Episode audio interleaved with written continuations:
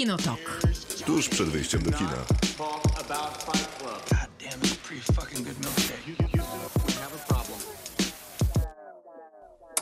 Zapraszamy na Kinotoki godzinę z filmem i serialem. Dzisiaj się tak składa, że w sumie wszystko mieścimy w tym opisie. Miłosława Bożek. Maciej Stasierski? Chociaż trochę myślałam o tej formule, którą zrobiliśmy ostatnio, że się przedstawiamy nawzajem. A, no możemy do tego wrócić jeszcze w przyszłym tygodniu. Będziemy mieli tę wolność od Krzysztofa, którego oczywiście pozdrawiamy. Oczywiście, że go pozdrawiamy. E, więc, więc może wtedy do tego wrócimy.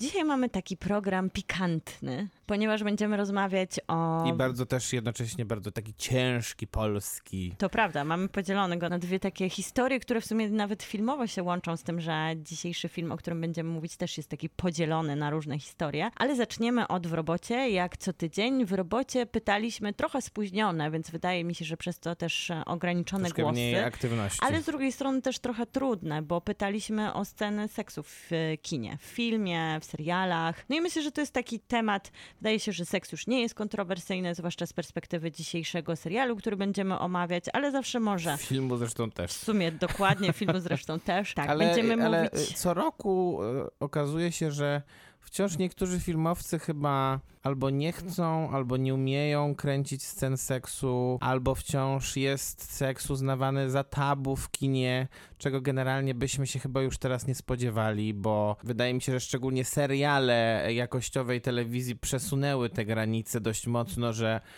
już za dużo tabu nie pozostało nam, więc tym bardziej twórcy filmowi powinni za tym pójść. A nie zawsze tak się dzieje, bo wciąż jednak ten seks, no nie wiem, na przykład w komediach romantycznych jest pod kołdrą i, i po ciemku. Co ni- nikt tak seksu nie uprawia, tak mi się To wydaje. prawda. Dobrze, że wspominasz o tych serialach, bo można przypomnieć słynne stwierdzenie, które zostało już z nami i ma nawet taki swój mały trailer, czyli It's not porn, it's HBO. Dokładnie. Właśnie to, jak telewizja zmieniła jakościowa i te platformy tak naprawdę, które dostarczają nas tego kontentu jakościowego, zmieniły to podejście do seksualności, ale też um, chyba otwarcie zaczęto mówić o tym nawet przy okazji Sexify, że zatrudnia się teraz osoby, które się specjalizują w e, udzielaniu takich konsultacji na planie, żeby i aktorzy, i aktorki, i cała ekipa czuli się swobodnie z jakąkolwiek sytuacją seksualną, więc może ten świat się zmieniać, ale faktycznie, zwłaszcza dzisiejszy film będzie udowadniał, że no jest to trochę tabu, pokazywanie go w taki bezpośredni, zupełnie ograbiony z jakiegoś romantyzmu sposób. No więc Tak. najpierw będziemy rozmawiać o seksie w filmach, później będzie, będę ja mówić, chyba nie, najpierw będziemy robić recenzję. Najpierw zrobimy recenzję Tak. e, filmu Niefortunny numerek lub Szalone porno. Filmu Radu Jude, który dostał Złotego Niedźwiedzia na festiwalu w Berlinie w tym roku. W tym roku. Tak, tak, w tym tak, roku, tak, w wszystko tym się zgadza. w tej, w tej jedynej dotychczas w historii online'owej w pełni, w pełni edycji tego festiwalu. Zrobił też dużą furorę, wydaje mi się, na festiwalu Nowe Horyzonty. Bardzo dużo ludzi go obejrzało, zarówno w kinach, jak i też w wersji online'owej, bo był jednym z niewielu tych takich wielkich premier, które można było oglądać też w internecie. A później K będzie recenzować dla was em, trzeci sezon Sex Education. Dobrze wspomniałeś Sexify, bo oczywiście to jest polska odpowiedź na Sex To myślę, że za daleko. To było chyba jakieś niefortunne, idąc za tytułem No, wcześniejszego Netflix, filmu, porównanie. e, Netflix chyba inaczej nie potrafi promować swoich produkcji, więc... Ale to trafna promocja z perspektywy przynajmniej Netflixa, bo Sex Education jest jednym z ich takich najbardziej flagowych produktów poza... No dzięki temu być może Sexify też miało bardzo dużą oglądalność tak, w Polsce. Prawda. I za granicą. Myślę, że dlatego właśnie, że tam wybrzmiał też ten, o, znowu moje Wybrzmiał, ulubione słowa, To są nasze ulubione słowa. wybrzmiał ten tytuł właśnie w kontekście Sex Education. Tak, Sex Education jeszcze dzisiejsza świeża wiadomość i już Tak, potwierdził czwarty Netflix, sezon. czwarty sezon. Widać, że nie wiedzą, kiedy skończyć ten serial. Troszkę jednak finał sugerował to, ale też nie dziwię się, że tego konkretnie nie kończą, bo jest to produkt, który od trzech sezonów radzi sobie świetnie i myślę, że dobrze się domknie w czwartym sezonie. Więc to dobra decyzja. Tak, a, a w drugiej części programu przejdziemy do Polski i ja opowiem wam, co się działo na, w, w tym, na tegorocznym 46. Festiwalu Polskich Filmów Fabularnych w Gdyni. Pewnie odniosę się dosyć szczegółowo do werdyktu jury pod przewodnictwem Andrzeja Barańskiego, które wybrało Wszystkie nasze strachy, e, film em, Łukasza Rondudy, jako zwycięzcę tego festiwalu i laureata Złotych Lwów. E, między innymi przyjaciel naszego, naszego podcastu, Michał Oleszczyk, brał e, bardzo czynny udział w tworzeniu tego filmu, bo jest współautorem scenariusza. Potem zrecenzujemy film, o którym się mówiło, że Że wygra powinien mieć festiwal. z automatu Tak, przyznane te złote lwy. I to w Mm, kontekście mówiło się tak w oczywiście kontekście Oscarowym. zarówno Oscarowym, jak i tego, że film miał premierę już na festiwalu w Wenecji w konkursie. To nie jest częsta rzecz, jeśli chodzi o polskie kino, więc, więc tym bardziej wydawało się, że jest to mm, bardzo jakościowy film. Skończyło się srebrnymi lwami dla filmu. Co e, wydaje się pewnego rodzaju nie było- kompromisem. tak, kompromisem dla filmu, żeby nie było śladów Jana P. Matuszyńskiego, filmu e, opowiadającemu, opowiadającemu historię Grzegorza Przemyka, zabójstwa Grzegorza Przemyka przez milicję w czasach PRL-u i potem reperkusjach tej historii na wielu, na wiele elementów em, polskiego państwa, można powiedzieć. No, jest to Kobyła. Dwie godziny 40 minut filmu. E, No I na be- tym I o skończymy. tym będziemy tak, też bo rozmawiać. właśnie będziemy o tym mówić, to przed nami tak naprawdę seks i Polska. Tak, więc to bardzo serdecznie zapraszamy na Seks te i Polska, wspólne... coś tak, tak, Tak, troszkę, chciałam- troszkę na zasadzie oksymoronu. Chcia- Chciałam stworzyć jakieś z tego w ogóle połączenie się, a, tu, a błyskotliwe, tutaj trudno. ale z, jednak zostałam z tymi dwoma osobnymi zdaniami.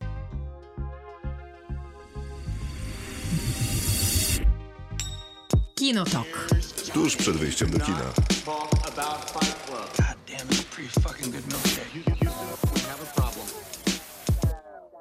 A przed nami nasz cotygodniowy cykl w robocie. Dzisiaj tych głosów trochę mniej, ale wydaje mi się, że bardzo takie... ten pierwszy swój, tak jest. Mam bardzo szeroko otwarte oczy teraz, bo No właśnie, bo są takie bardzo eseistyczne, wyraziste. wyczerpujące i wyraziste, dokładnie. No więc zacznijmy, Maciek, od twojego głosu. A tak Michał- naprawdę od głosu twojego słuchacza, twoim. Michał pisze tak. Pierwsze ekranowe doświadczenia erotyczne to animacja Gigi albo Gigi, nie wiem w sumie jak to przeczytać. Gigi. Gigi po prostu. Gigi. A Gigi co to było? Animacja, kreska azjatycka, anime, taka na podstawie słynnego A, komiksu. okej, I dobra, białe przepraszam, białe już wiem. Majteczki, Fascynacja majteczki. głównego bohatera białymi majteczkami O. koleżanki z klasy. Potem był okres, kiedy babcia przełączała kanał, kiedy tylko na ekranie bohaterowie się całowali uśmieszek. Pewnie dlatego teraz bardzo lubię sceny erotyczne w filmach od Verhoevena i jego nagiego instynktu i Showgirls. Przez dzikie żądze, nieodwracalne, a kończąc na służącej... Służących? Służących chyba. To było służąca? Ym, No na pewno nie Park Chan-wooka, ale nie, nie Verhoevena. I, I życiu Adeli i jak przyjemnie się to oglądało. I tutaj generalnie taki mały koniec. disclaimer mój, y, bo jednak y, no scena erotyczna w nieodwracalne mm, i to się przyjemnie oglądało?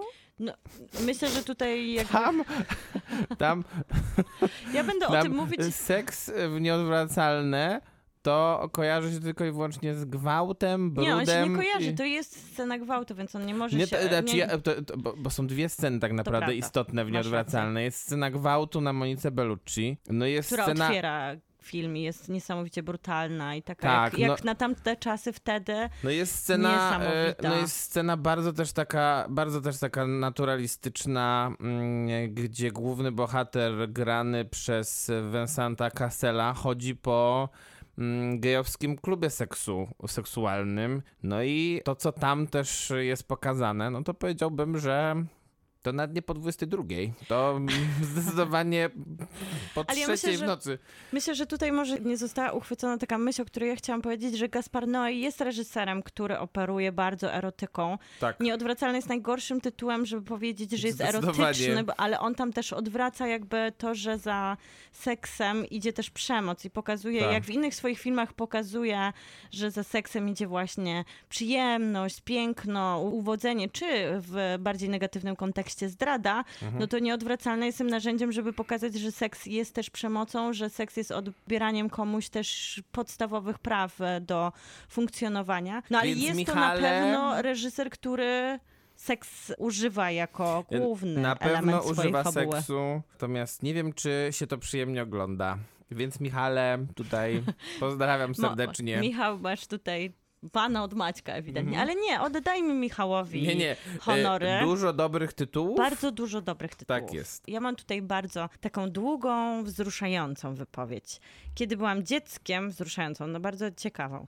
Paulina pisze, kiedy byłam dzieckiem, rodzice nie pozwalali mi oglądać niektórych filmów. Byłam jednak spryciarzem, więc zakradłam się na korytarz i siadałam pod takim kątem, że telewizor, który był w pokoju rodziców, odbijał się w lustrze i w ten zapośredniczony sposób oglądałam zakazane filmy. Jednym z nich było Imię Róży, z którego pamiętam tylko i wyłącznie scenę seksu. Pewnie dlatego, że jest ona bardzo niepokojąca, nagła, brudna i brutalna i pewnie też dlatego, że była to pierwsza scena seksu, którą widziałam w filmie. Kiedy zobaczyłam Imię Róży ponownie, już jako dorosła osoba, doceniłam też wszystko, co do tej kulminacyjnej sceny prowadzi. Całe napięcie seksualne, hamowany popęd, które ostatecznie wybuchają w tym jednym przypadkowym momencie.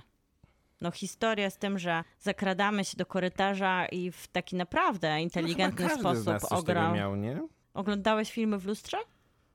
Pamiętam, że moja koleżanka kiedyś oglądała film, tylko to była jakby trochę inna historia, bo ona nie chciała tego filmu za bardzo oglądać, ale z drugiej strony chciała jednak, bo była bardzo ciekawa. I był to film Lśnienie Stanleya Kubricka i oglądała go tak przez, powiedziałbym, dwie szpary w drzwiach. W sensie jedne drzwi były otwarte trochę, drugie były też trochę i przez te dwie szpary na taki przestrzał przez całe mieszkanie oglądała. Ale to zrobiła na własne, niewymuszone życzenie. tak, tak, Rozumiem, że zdecydowanie. po prostu poszukiwała jakiegoś takiej, takiej kotary bała. Tak. pomiędzy nią a strachem, a z drugiej strony bardzo chciała zobaczyć ten tytuł. Ja też tak miałam trochę i pamiętam, że się zakradałam. Ja w ogóle miałam takie bardzo restrykcyjne zasady w domu, że telewizję w takim młodzieńczym wieku, chociaż miałam bardzo nierestrykcyjny dom i serdecznie pozdrawiam moich kochanych, pełnych wolności, cudownych rodziców, ale ale faktycznie jako dziecko nie mogłam oglądać po wieczorynce filmów i też się tak zakradałam, żeby momentami coś podglądnąć i pamiętam, że przypadkiem zobaczyłam jakiś fragment gremlinów i to był ten fragment, kiedy właśnie te złe gremliny się tam rodzą z tych jaj i to mnie utwierdziło, że mogą wiedzieć, co jest dla mnie dobre. Zostało to na długo ze mną, ten fragment gremlinów. Marek pisze tak, że seks? No to z grubej rury. Od razu przypomina mi się pierwsza... O matko, przepraszam. Coś co się stało, przepraszam bardzo. Maciek! Nie, Przepraszam, od ra- bardzo przepraszam. Shame, shame, shame. Od razu przypomina mi się pierwsza randka w kinie na a jakże wirującym seksie e, i tekst jak mnie kochasz, to mnie puść. Potem było już dojrzalej, czyli napompowany seksem przez Sharon Stone i Michaela Douglasa w Nagim Instynkcie oraz Mickey Rourke, który przez 9,5 tygodnia przeżywał to z Kim Basinger. Ale najdolżalej było w gorzkich godach Polańskiego, no i oczywiście u samego mistrza, który szeroko, kiedy szeroko zamkniemy na ten, na ten temat oczy. Czyli tu jest nawiązanie oczywiście do Kubricka i oczów szeroko zamkniętych. Aha, dzięki Maćkowi poznałem po latach tamte dni, tamte noce, cymes. Dziękuję, pozdrawiam również. Ja mam nadzieję, że to będzie dzisiaj twój film, ale... właśnie, właśnie przed chwilą zagrała troszeczkę z niego muzyka. Dokładnie. Ja mam takie krótkie dwa głosy. Wine Thinking pisze 9,5 tygodnia, a Milena, a ja sobie akurat wczoraj obejrzałam Psy nie noszą spodni. Bardzo w temacie, chociaż podejście dość nietuzinkowe. No i musiałam sprawdzić, co to za film, chyba że Maciek się zgłaszasz właśnie, tutaj nie- z pełną nie- wiedzą. Nie, nie sprawdzałem, nie, nie. Psy nie noszą spodni jest to film o żałobie i tym, że przynajmniej tak było w opisie dystrybutora, że bohater nie radzi sobie ze śmiercią swojej żony i poznaje Dominę, która poprzez właśnie lateks i Page przywraca go do życia. Więc e, zupełnie obcy tytuł. Milena, tutaj trafiłaś i rozbiłaś bank. Kinotok. Film. seks. Seks z naszej perspektywy. I tak trochę tutaj poza anteną staraliśmy się dojść do tego, czy na przemian będziemy się wymieniać naszymi głosami, czy każdy odczyta, ale chyba będziemy to robić wspólnie i dzielić się tą radością tematu. Czy Maciek zaczniemy od seriali, czy od filmów? Możemy zacząć od seriali. Zaczynamy od seriali, zaczynamy od seksu w serialach. No to może zacznij od tego tytułu, który sobie wspólnie teraz przypomnieliśmy, czyli bardzo świeżego tytułu, Tak, tak. w którym ten seks no, jest poruszany Co by nie powiedzieć, ten serial, teraz przyznam się bez bicia, no chyba, że coś nieprawdopodobnego się wydarzy, Jest spora szansa, że go umieszczę w swoim top 10 hmm. tegorocznych seriali. Jest to e, serial, który, którym, z, którym, z którym chyba obydwoje czerpaliśmy dużą przyjemność. Tak, tak, ja dałam mu jakieś kontrowersyjne 10 na 10. 9 na 10. Albo tak 9 jest. na 10, tak. Jest to serial Netflixa Bridgertonowie, w którym no jest przynajmniej jeden odcinek, w którym te, tych scen seksu i samego seksu jest po prostu absurdalnie dużo.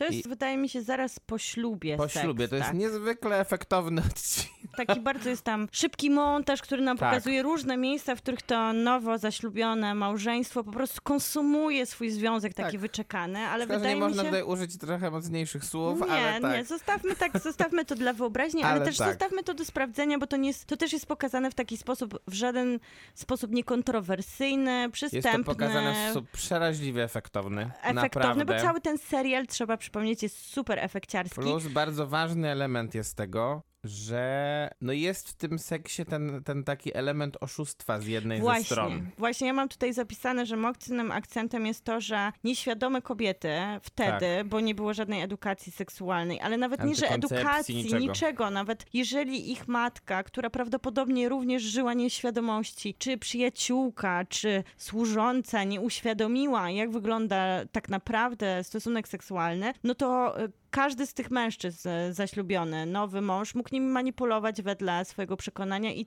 tutaj taka manipulacja bohaterką Tak. następuje i ona właśnie pokazuje, jak bardzo niebezpieczne jest to, że, I to jest nie było, że, że, tam tak naprawdę nie było żadnej świadomości I to jest tego, w jakie ogólna teza, myślę, która się odnosi do większości seriali czy filmów, które są robione w kostiumie z tak zwanego, tak zwane period seriali czy filmów, w których po prostu ten seks jest pokazywany w taki sposób, że zwykle jest on odbywany pierwszy raz w momencie, kiedy mm, dochodzi do zamąż pójścia.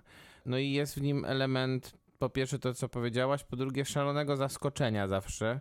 No i nie zawsze jednak ekscytacji, bo jak Nie, no, nie jest... zawsze, nie zawsze też te małżeństwa Tak, Trzeba przypomnieć, na pewno nie jest tak w serialu Netflixa, ale nie zawsze te małżeństwa wynikają z jakiegoś wielkiego pożądania i miłości, Nie. ale na pewno takim przełamaniem, przełamaniem tego konstruktu niewiedzy, zagubienia, trochę takiego właśnie tajemnicy, ale też wielkiego podniecenia jest Outlander, który to serial zrobił start. W Polsce możemy go oglądać na Netflixie, ale jest to serial, który w tym momencie ma zapowiedziane aż 7 sezonów, jesteśmy na piątym. To jest serial w kostiumie, który opowiada... jeszcze.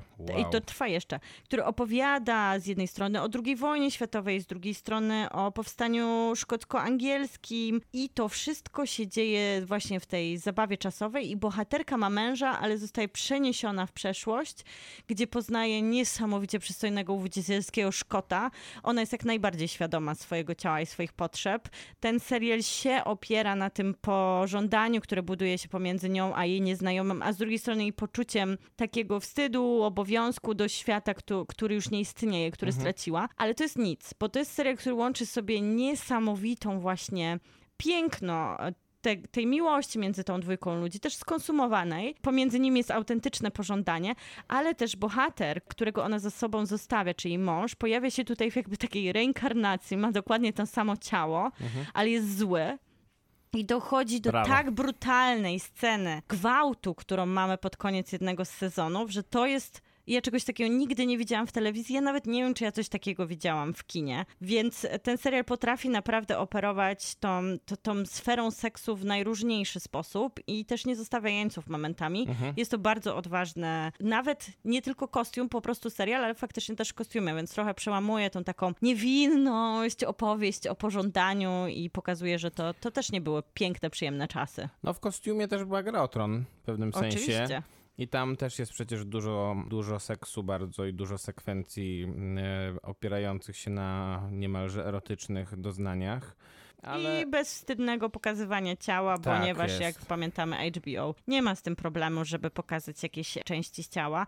No na pewno trzeba wspomnieć Buffy Postrach Wampirów i jej taką toksyczną relację ze Spike'iem i tam jak na taki serial, który jednak był skierowany do młodzieży w latach, w których on i tak przełamywał bardzo wiele tabu i mówił o bardzo wielu rzeczach, które nie dotyczyły wtedy dyskusji z młodzieżą, to w ogóle to wprowadzenie takiego seksu bardziej takiego przełamującego konwencję miziania się po plecach i wielkiej miłości, jaką Buffy miała z aniołem, no to było bardzo odważne. Więc Josh E, Whedon się tam popisał. To też o tym rozmawialiśmy trochę poza anteną, czyli mm, Normal People. Mhm. To jest, to jest też ten serial, który pokazuje z kolei, jak bardzo cię seksualne ludzi zależy od jakby ich ewolucji psychologicznej, bo te początkowe sceny, kiedy ci dwoje bohaterów są, te, ta dwójka bohaterów są jeszcze młodzi, między innymi e, Paul Mescal, dobrze Tak, zapamiętałem? Paul Mescal i Daisy Edgar Jones. Właśnie, to oni, te sceny, kiedy są jeszcze w szkole i pierwszy raz dochodzi do zbliżenia między nimi,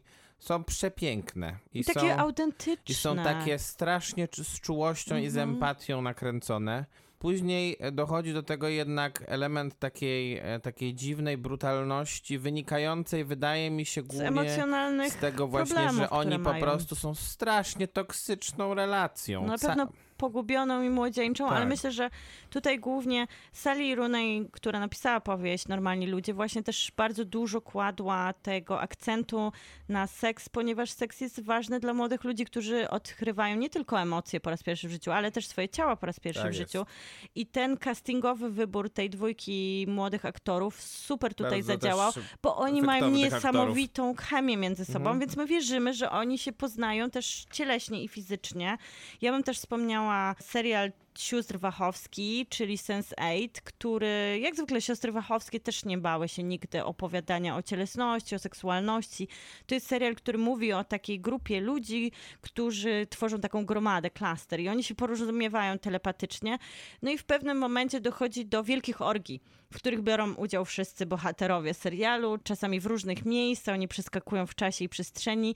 To są długie sceny, bardzo ładne sceny, bardzo namiętne sceny i takie odnoszące się do całej tej filmowej kultury wachowskich. Mhm. Ten serial został w pewnym momencie zamknięty przez Netflixa po wielkich petycjach pisanych przez panów On nie, on wrócił w takim bonusie finałowym Aha, i tam mhm. znowu dostaliśmy tą rozbuchaną seksualność bohaterów, więc e, to takie ładne otworzenie się na więcej niż tylko dwójkę bohaterów. W seksie, czy jeszcze masz jakiś e, Nie, serial? już to jeszcze mam. mam jeden, To to jest serial. dziewczyna z doświadczeniem, też start, czyli telewizji, która się nie boi operować e, nagością na przykład, czy seksualnością. E, Możemy oglądać ten serial w Polsce na HBO i to jest serial, który powstał na podstawie filmu Stevena Soderberga, Dziewczyna zawodowa. To był film o Call Girl i pomysł właśnie na ten serial był taki, żeby opowiedzieć róż, o różne historie, bo to są antologie różnych bohaterek, które seks wykorzystują do zawodowo, do różnych celów. Ostatni na przykład sezon opowiada o dziewczynie z IT, która wykorzystuje swoje seksualne doświadczenia do budowania takiej sztucznej inteligencji, która będzie nas lepiej parować. To ja mam jeszcze jeden, przypomniałem No. sobie teraz. To jest oczywiście mm, serial Michaeli Cole, My I May Destroy Mhm. You. Serial, który może nie opowiada bezpośrednio o, seks- o seksie, natomiast opowiada o, o złych doświadczeniach z nim związanych, o gwałcie, o mm, molestowaniu seksualnym, o nadużyciach seksualnych ze strony partnerów i opowiada to w sposób nieprawdopodobnie efektowny. Zresztą ty chyba umieszczyłaś ten serial w zeszłym roku na swojej topce na pierwszym na miejscu. Pierwszym miejscu, tak. No ja chyba W tym też ko- roku- okolicach drugiego, więc Kayla mówiła, przyjmując Emmy, dokładnie też o tym. I to była niesamowicie nagrodę. wzruszająca e, wypowiedź, jedna z takich Tak. chyba najmocniejszych na nagrodach tak, Emmy. tak, zadedykowała nagrodę wszystkim ofiarom em, Przemocy e, seksualnej. seksualnej, co było bardzo, bardzo, bardzo, bardzo ważne. wzruszające i ważne. Ja na koniec chyba rozbiję tą wzruszającość i ważność, ale tak naprawdę nie do końca, bo czysta krew Alana Bola i opowieść oczywiście o wampirach, ale to satyra o Ameryce demaskowała również takie zachowania, jak na przykład zachowania Jasona Stackhouse'a, czyli jednego z bohaterów, to był O, brat brata. bohaterki, O, który mamo. był uzależniony od przez- seksu. To przez niego przestałem oglądać ten serial i to bardzo szybko, bo w czwartym odcinku pierwszego sezonu, kiedy napił się tej, em, tej V, tak? Mhm. I przez cały seri- przez cały odcinek miał erekcję i nie mógł się jej pozbyć. To było tak durne, że stwierdziłem, że nie, to szkoda mojego czasu. Ale wydaje mi się, że to jest bardzo ciekawy sposób, żeby pokazać pewne uzależnienia, to jak można się fiksować na tematyce seksu, a na pewno Alan Ball w e, True Blood nie bał się tematyki seksu, bo zwłaszcza ten trochę taki gatunkowy miraż z wampirami pozwalał na wielkie, erotyczne orgie po prostu, nie ma co Tak. ukrywać, więc No e, tak. it's not porn, it's HBO, jak to samo HBO mówi o sobie. To mamy ze sobą temat Seriale. seksu w serialach. Kinotok. Film. I seks. Seks w kinie, ciąg dalszy, mamy ze sobą seriale i teraz filmy, to ja może zacznę i zacznę od Brązowego Królika, czyli The Brown Bunny Vincenta Gallo. Jest to film, który wzbudził Wow. ogromne kontrowersje, a tak naprawdę na tyle, że była publiczna kłótnia. Roberta Eberta, czyli takiego... Rogera Alberta. Tak, takiego no, znanego chyba w świecie, nie tylko krytyki filmowej. Ogólnie Nie, jest nie, to taki naprawdę. człowiek, który wyszedł poza krytykę filmową Dokładnie. zupełnie. I po jego premierze w Cannes, to był 2003 rok, raczej on został wygwizdany, ten film, i doszło do takiego mocnego spięcia pomiędzy Ebertem a samym Vincentem Gallo, którego on bardzo, bardzo obraził. Na tyle go się poobrażali razem, że później Vincent Gallo jednak troszkę montażowo zmienił ten film. I ten, który dostaliśmy jako już widzowie, jest odpowiedzią na krytykę filmową i opowiada historię pary. I to jeszcze nie, nie byłoby takie dziwne i to nie byłoby pewnie tym kontrowersyjnym elementem, ale wszystkie te sceny, które oglądamy w filmie, a oglądamy takie dwie mocne sceny zbliżenia seksualnego, seksu oralnego, na przykład to są sceny, które się wydarzyły faktycznie na planie. I one I były to- dyskutowane, też Claire Sevigny, która gra tą tym- partnerkę, była bardzo problem, krytykowana moim za zdaniem. to. Moim zdaniem to jest jednak problem, bo to, to samo było mówione w kontekście jeszcze starszego dużo filmu, czyli ostatniego Tanga w Paryżu. Mhm. Gdzie te sceny pomiędzy Marią Schneider a Marlonem Brando były w, te, były, były w ogóle kręcone z podełba, z ukrycia. Bernardo Ber- Bertolucci. Ale też było trochę przymuszania tutaj tak, do tego. bo to- oszukiwał Marię tak, Schneider. dokładnie. Ona potem, ona potem nie miała już żadnej kariery za bardzo po tym filmie, więc e, problem jest, myślę, że z oceną Tylko, takich tu- filmów. Tak, tylko że tutaj aktorka jak najbardziej się na to zgodziła, oficjalnie No tak. później broniła tej roli, mówiła, że to nie było w żaden sposób wykraczanie poza siebie i że ona chciała mieć taką autentyczną relację z kamerą, a jeżeli dochodzą głosy, że coś było przemocowe, to tak trochę jest tych filmów, w których po, po latach aktorki wychodzą i mówią, że po prostu były manipulowane i zmuszane, no Tak. to to budzi To spore to kontrowersje. budzi, no nie powinno, myślę, że myślę, że powinno się, to budzi po prostu, e, powinno budzić całkowite protesty, Sprzeciw, sprzeciw, sprzeciwy dokładnie, i kropkę. zupełnie skreślanie jakby Tak. tematu. Ja mam tak, trzy mm, filmy oczywiście mm, o tematyce LGBT. Call Me By Your Name. Ale właśnie się zastanawiam, czy nie powinniśmy tego odesłać do naszej tematyki takiej, wiesz, mieliśmy już nasz program Tak, tylko, o że- miłości. Tylko, że trochę inaczej, tylko jakby odniósłbym się tylko i wyłącznie innych do, scen, do scen seksualnych w tych filmach, bo w Call Me By Your Name te sceny są bardzo takie, mm, bardzo takie poetyckie i bardzo takie mm, ładnie nakreślone, ale też z kolei bardzo mi się podobało to, mm, co ostatnio napisała na swoim profilu Kasia Koczułap, e, która, z którą rozmawialiśmy parę razy przy okazji między innymi Mhm. poprzedniego sezonu Sex Dokładnie. Education i Sexify, która napisała, że rzadko się zdarza w kinie taka scena, w której ewidentnie mamy udzieloną zgodę na zbliżenie seksualne, a tak jest rzeczywiście w tym filmie. Zanim następuje zbliżenie pomiędzy Elio a Oliverem, to, to jest takie połączenie, że rzeczywiście oni, oni wyrażają obydwaj akceptację do tego pomysłu. To jest Ale to to. czekaj, to ja bym została jeszcze przy tym, że Luca Guadagnino, podobnie jak Gaspar Noé, tak naprawdę zawsze Bardzo operuje w dużo. swoich filmach taką piękną cielesnością, fizycznością, To seksem, nienasycenie, gdzie ten element seksualny się niesie wszystkich bohaterów i tam jest bardzo dużo dobrych Bardzo scen. gorąco. Bardzo gorąco. Nawet Suspiria jest takim elementem, który się opiera na Seksualności. seksualności. I jego serial dla HBO, który też jest niesamowicie taki przesiąknięty odkrywaniem swojego ciała, Mhm. seksualności, bliskością między różnymi bohaterami. Więc to jest człowiek, który potrafi opowiadać o seksie w kinie. Tak, reżyser. Guadagnino na pewno. Na pewno potrafi też to robić Barry Jenkins i to zarówno jeśli chodzi o miłość heteroseksualną, jak było w ulicach Bill, jak i szczególnie wydaje mi się w Moonlight, które e, jest podzielone przecież na te trzy takie podsegmenty, Mhm. że tak powiem. Takie dzieciństwo, dorastanie i już e, dorosłość głównego bohatera. No jest ta scena w em, tej części środkowej, w której bohaterowie nie, nie dochodzi do takiego praktycznie e, jakiegoś bardzo dużego zbliżenia. Ta scena jest bardzo taka autentyczna ze względu na to, że po prostu pokazuje pewien wstyd, e, który, który rodzi się pomiędzy tymi bohaterami. No i fenomenalnym jednak podsumowaniem tej relacji nie jest ta scena ostatni, w ostatnim segmencie, w którym główny bohater przyznaje się do swojemu kochankowi z przeszłości, że od tamtej sceny nikt nigdy go nie dotknął w taki sposób, y, czyli nigdy nie zbliżył się do człowieka do, do tego stopnia. Jest to przeszywająca zupełnie sekwencja. Wydaje mi się, że, mm, że Barry Jenkins y, bardzo subtelnie operuje takimi rzeczami i, i dlatego pewnie jest też wielkim reżyserem, bo po prostu jest to absolutnie autentyczne.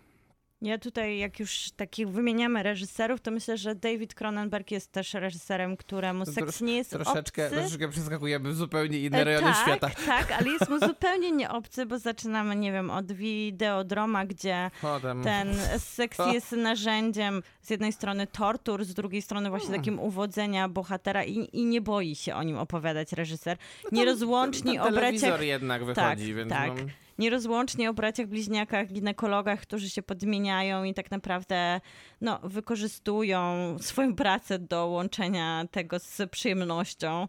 Nagi Lunch, oczywiście Crash, który teraz powraca, taki trochę echo jego w Titan, gdzie tam jest to przekraczanie, seksualizacja tak naprawdę przedmiotów i dawanie im takiego fetyszyzacji różnych rzeczy, które nas pobudzają, czyli Existence, gdzie też ta seksualność jest takim tematem, więc David Cronenberg swój kampowy, fantastyczny sposób jest. opowiadał o tym. Nie bał się go zupełnie i wykorzystywał go jako narzędzie do kreowania takiej odrębnej, głównej narracji. no i myślę, że wracając jeszcze do tego gejowskiego seksu, to nie boi się go też Anglii w fenomenalnym filmie Tajemnica Brokeback Mountain, którym mamy taką, taką niesamowitą przemianę, bo te, to pierwsze zbliżenie pomiędzy bohaterami jest strasznie mechaniczne, strasznie takie brutalne, e, bo oni są zawstydzeni i zszokowani, że w ogóle coś takiego mogłoby się między nimi wydarzyć. Tych bohaterów grają przecież zresztą Jake Gyllenhaal, no i nieżyjący już niestety Heath Ledger w swojej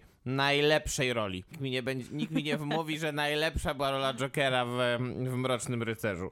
To jest piękny film. Wspaniały film. To jest E, piękny film. Szczególnie, że właśnie tak jak mówię, później te zbliżenia już są zupełnie Mhm. inne. Są, są takie w, e, wynikające z tej czystej miłości, Mhm. która, na, która się z, narodziła między tymi bohaterami. Też tam piękna jest ta klamra w tym filmie związana z tą sceną, z tą kurtką, która wisi cały czas na tych drzwiach tej, tej przyczepy bohatera, którego gra właśnie Ledger. No, wspaniały film. Tutaj padło nazwisko Bernardo Bertolucci, więc ja się zastanawiałam, czy wspomnieć, ale Marzyciele to jest po prostu piękny film. No, I tam inny, nikt nie. i tam inne, nikt nie był- inne sceny seksu. Tak, i też tam nikt nie był do niczego zmuszany, Tak. bo Michael Pitt, który gra tutaj takiego chłopaka, który przyjeżdża na studia i odkrywa właśnie rodzeństwo, które grają pięknie Eva Green i Louis Garrel. On był bardzo długo był szukany aktor, który się zgodzi na tą rolę, ale to jest, to jest bardzo takie sensoryczne, seksualne, pełne nagości, ale piękne kino. Później oczywiście to już e, są te tytuły, które były wspominane, więc ja się nie będę do nich odnosić jak jeden, jak 9,5 tygodnia, ma ale trzeba o Adrianie Lane powiedzieć, że to też jest... O, e, Adrian Lyne się specjalizuje w tym. specjalizuje się w seksie, bo to jest flashdance, to jest fatalne zauroczenie, to jest niemoralna propozycja, Lolita, niewierna, więc same... Wszystko. Wszystko. Człowiek wie, czego chce po prostu. Tak, ym, a ja bym wspomniał jedną scenę, której nie wspomnieli nasi słuchacze. Jestem Mhm. trochę zaskoczony, Proszę bardzo. bo są, bo są to dwie sekwencje filmu, który można lubić, można nie lubić. Ja uwielbiam. Mm, A nazywa się on Titanic Jamesa Camerona. Pięknie, I Maciek. y, są Piątka. tam. No dziękuję. No, są tam jednak Na dwie, dwie, se, dwie sceny, które są oczywiście bardzo takie naiwne prawdopodobnie teraz, ale one są piękne jednak. E, Ta scena, w której najpierw Leonardo DiCaprio maluje nagą Kate Winslet. No a potem już słynna oczywiście, już memiczna niemalże e, scena z tą ręką e, w tym, em, w tym samochodzie, samochodzie w którym jest, pary. w którym jest pełnym pary, bo oni tam rzeczywiście Są e, blisko ze są, sobą. Są blisko dość. I, no ale, e, No nie powie, no nikt mi nie powie, że nikt się nie wzrusza na tych scenach, no bo, bo nie, nikomu nie można w to uwierzyć, wydaje mi się. To ja wrócę do tego, co mówiłeś, czyli o tych filmach, które budzą kontrowersje po latach, które są bardzo udane, ale okazuje się, że mogły być jakieś nadużycia na, Mhm. na samym planie i to jest em, życie Adeli Abdelatifa Ka- Kashisha. Kashisha. Mhm. I on w ogóle też Tutaj Michał bardzo... mówił, że jest przyjemnie się oglądało, to tak, nie wiem. Ale nie, życie Adeli się przyjemnie oglądało. Scen seksu ale- akurat nie powiedziałbym. Myślę, że MacTaube, czyli jego ostatni film, który jest takim spojrzeniem, już takim super wiwisekcją takich zwykłych żądzy. Mm. I kamera patrzy na bohaterów, na ciała i to takie ubrane, które spotykamy na ulicy, które mijamy, jak jesteśmy na, gdzieś na dyskotece, patrzy takim porządliwym wzrokiem, nie patrząc nawet na ich twarze, a patrząc tylko na ich po prostu ciało. Więc na pewno Kashish potrafi opowiadać też o takim seksualnym pożądaniu, ale ja jeszcze mam takie tytuły Ale, tak zwane e, no-no. Ale Adel Exarchopoulos i Lea Seydoux e, opowiadały o tej współpracy, że no nigdy by chyba jej nie chciały powtórzyć. Mhm. Więc to też pokazuje, że mm, Abdelatif Kashish poza tym, że jest filmowcem bezkompromisowym, to jednak jest trudnym współpracownikiem. Tak, tak. I dlatego tutaj możemy jakie wspomnieć... mamy no-no? No, no, mamy oczywiście 50 twarzy Greya, Oczywiście. 365 dni.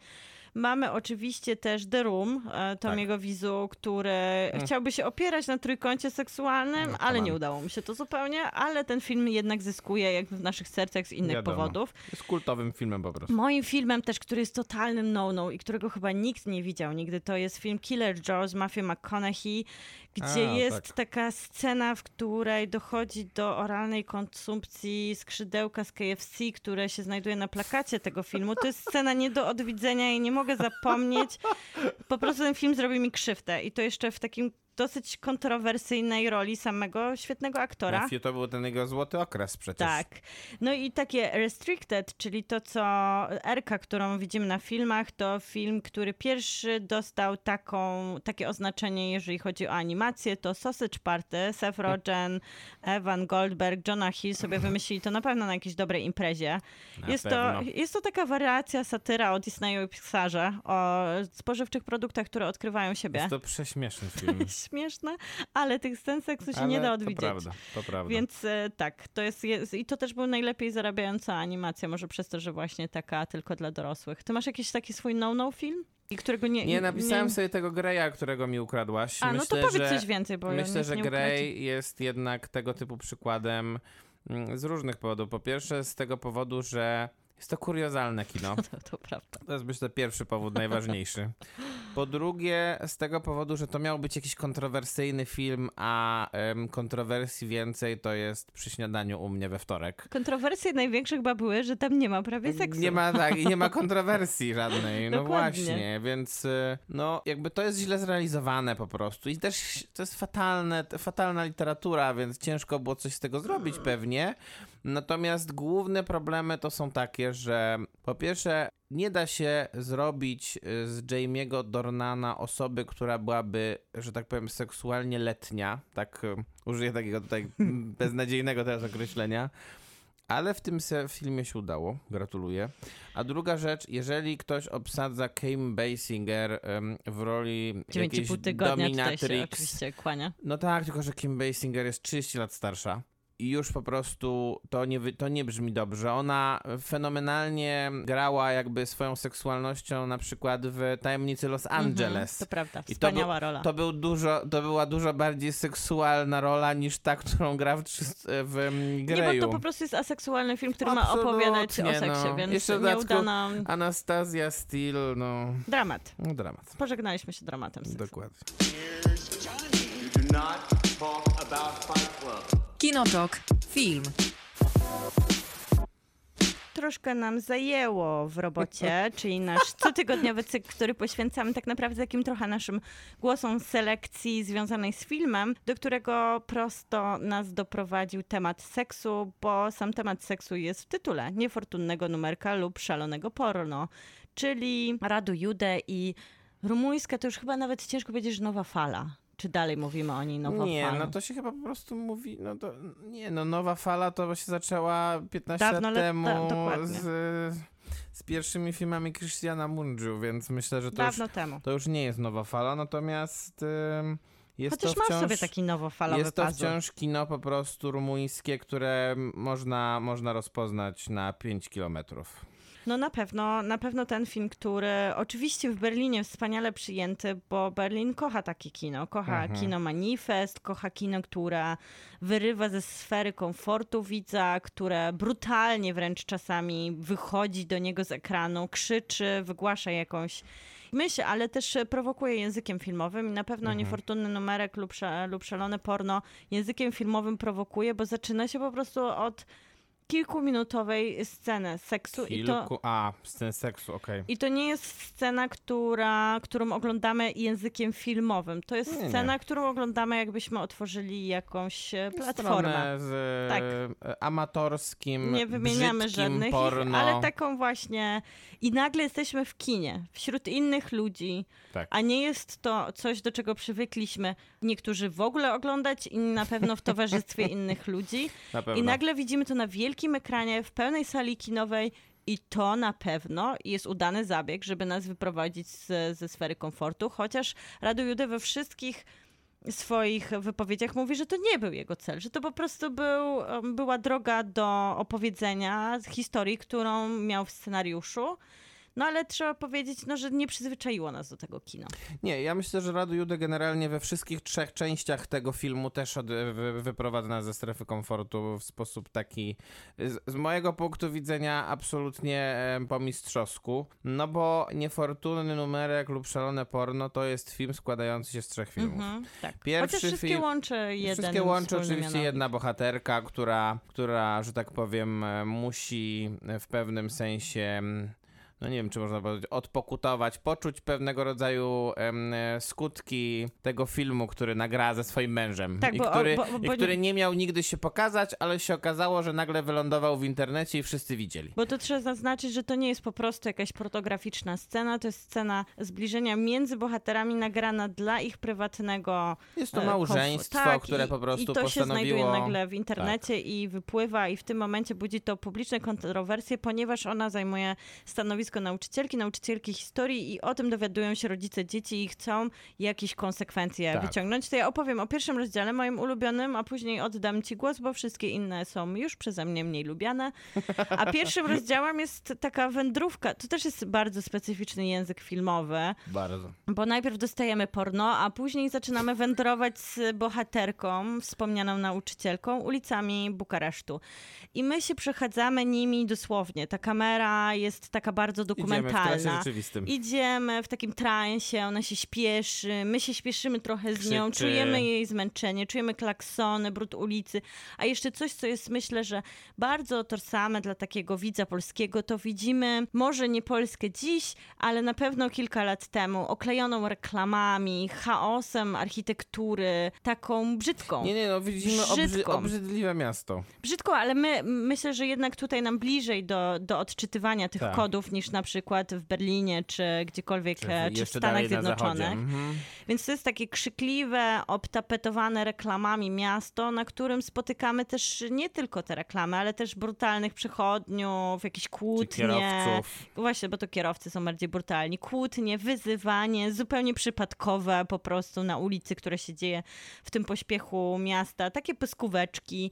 No i to No to jest trzeba mieć jednak, e, myślę, odwagę, żeby, żeby zrobić taki, żeby nakręcić coś takiego, nie przerywając za bardzo żadnymi, no właściwie nie przerywając w ogóle Dialogiem. żadnym dialogiem, czy jakimkolwiek innym ozdobnikiem narracyjnym. poza klaksonem i, I- reklamą. Uznać to za pełnoprawną część filmu. I niedokumentalną, fabularną, która Tak. uzupełnia tą opowieść.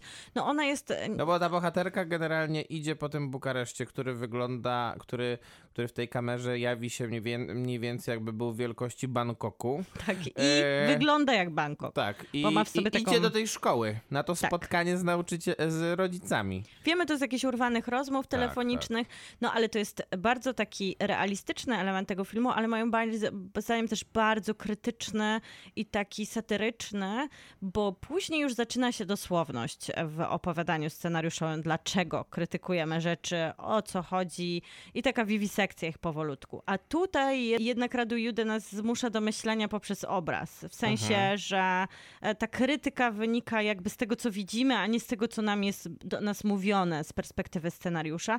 I ja tutaj, ja, ja się jak najbardziej tutaj czuję w tym filmie tak, że to jest świetne spojrzenie na swoje własne państwo, w żaden sposób nie łapatologicznie tłumaczone, dlaczego ma się do niego dystans, dlaczego ono nas irytuje, dlaczego to wszystko jest e, raczej w krzywym zwierciadle. No tak, ale e, druga część i trzecia, bo druga mm, to jest taki, to jest taki alfabet. e, Słowniczek. Słowniczek, w którym e, Radu Jude tłumaczy bardzo różne rzeczy, mm, pokazując je e, oczywiście też obrazem. To nie jest jakby krytyka samej Rumunii, tylko jednak Ludzkości. jest to, e, tak, jest to bardzo ogólne i dla mnie to było, to było też interesujące z tego punktu widzenia chociażby, że Jude nie tutaj w, w tej, jak w tej pierwszej części jest odważny, to w tej też pozostaje dosyć odważny i dosyć ostrym jest jednak komentatorem, a to nie wynika może do końca z tego, w jaki sposób pokazuje niektóre zjawiska, ale bardziej z tego, jak bardzo płynnie potrafi przechodzić ze skrajności w skrajność. To znaczy, no nie wiem, w jednym momencie opowiada o Holokauście, a w drugim momencie zaczyna opowiadać o kwiatkach niemalże. To można takie, takie, takie mniej więcej porównanie można ten. Czyli tutaj bardzo duży moc, bardzo duży emocjonalny impact próbuje wytworzyć, a z drugiej strony nagle, nagle pokazuje coś zupełnie błahego. I tak to wygląda. To jest dosyć zabawne, przynajmniej mi się to No podobało. właśnie, i tu jest mój zarzut, bo dla mnie to jest taki trochę. Z jednej strony jestem przebodźcowana, jakbym zobaczyła bardzo dużo, bardzo szybko filmików na YouTubie, więc jestem podirytowana, nie Mhm. Tak, podoba ja mi się robię to. też. A, a ja tak nie robię. I przez to jestem wyprowadzona z równowagi. Po drugie, trochę mam wrażenie takiego stand-upu, że tam na siłę jest za dużo tych elementów e, satyrycznych wrzuconych. I jak w wcześniejszej części ja nie jestem zmuszana, by się śmiać, ani zmuszana, żeby się złościć. To wszystko się po prostu we mnie nawarstwia, jak w osobie idącej ulicą, której zaczyna irytować i po prostu konstrukt miejsca, w którym się znajduje. To tutaj po prostu wydaje mi się, że trochę jestem na siłę i rozśmieszana, na siłę i edukowana, i No na siłę, na siłę. zarzucona Potrzebowa- bodźcami. Potrzebowałaś jednak chyba, znaczy ja przynajmniej uważam, że potrzeba było temu filmowi po tej mocnej, takiej i dosyć jednak surowej pierwszej części jakiegoś oddechu. No może, bo- ale nie wydaje ci się, bo- że on jest aż zanto błyskotliwy, No aż i to zanto obserwacyjny. E, znaczy lepiej, żeby był Aż- błyskotliwy, niż żeby był suchy jak polski kabaret, więc, e, więc tutaj jakby No tutaj jak, za miałbym, daleko. jak miałbym taki wybór, to jednak wybieram zawsze Radu Judę. E, Szczególnie, e, że ten oddech jest bardzo istotny w kontekście tego, że ten trzeci fragment jest szalenie intensywny tak e, pod względem emocjonalnym i tam z kolei żadnego oddechu już nie ma. Po No. prostu jest, w, e, jest, e, jest ping-pong emocji, jest taki wylew, powiedziałbym, nie wiem, że wyżyk wręcz emocji, takich, takich bardzo skrajnych, bo, To- to- no bo ta bohaterka, dla tak, mnie- tak, no, Że to dla mnie ta druga część nie daje mi oddechu. nie daje W sensie. Tak naprawdę, co, za co szanuję ten film, ja nie mam momentu Nie na oddech w żadnym fragmencie No tak, no bo, no Radu Jude jeżeli go nie filmu. odnajdziesz w drugiej części, To to, je- na pewno go nie odnajdziesz w trzeciej. A pierwsza na tak jak powiedziałeś, pierwsza nie jest momentem, w którym oddychamy.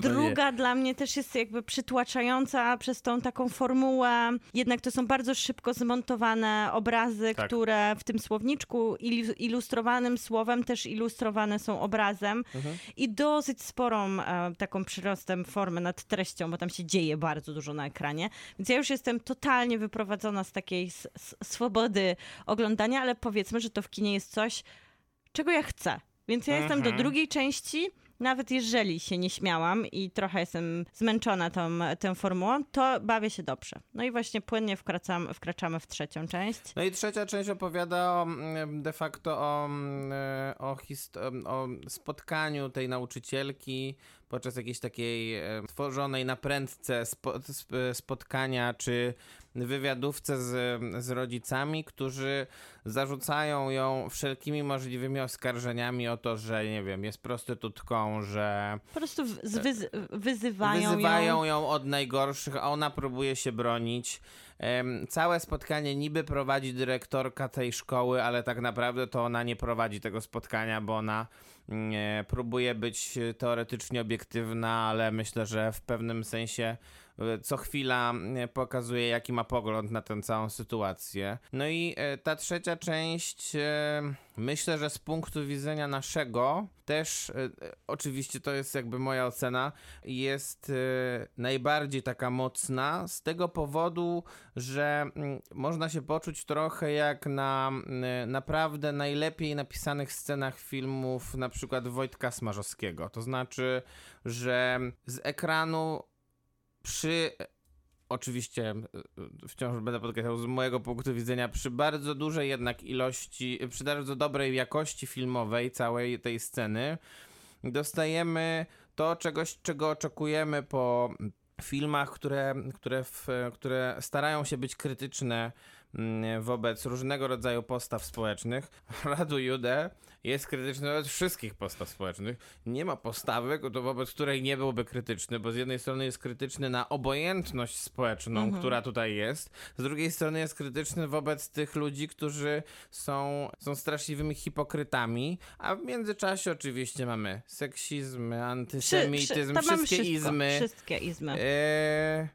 I myślałem, że to będzie nieznośne i ty pewnie mi powiesz, że to było nieznośne, To nie jest nawet mój zarzut. a chyba. według mnie to naprawdę było bardzo mocne i, i naprawdę takie z jednej strony bardzo przeszywające i bardzo takie dosadne, a z drugiej strony wciąż dosyć zabawne momentami i lekkie. Ja tutaj się zgadzam, że mamy małostkowość, podłość, hipokryzję, wszystkie takie najgorsze cechy ludzkie zebrane w tym komitecie rodziców i to też się wydaje autentyczne, bo Bardzo. wszyscy wiemy, jak to I może koszmarnie polskie. wyglądać. Takie zebranie ludzi, który, którzy są przypadkowi, więc mają bardzo różne poglądy i, i ci ludzie mają próbują na platformę i ci, e, tak, i ci ludzie jakąś. mają platformę do wypowiedzenia wszystkich najgorszych myśli, jakie mają w głowie, Zupełnie frustracji, filtra.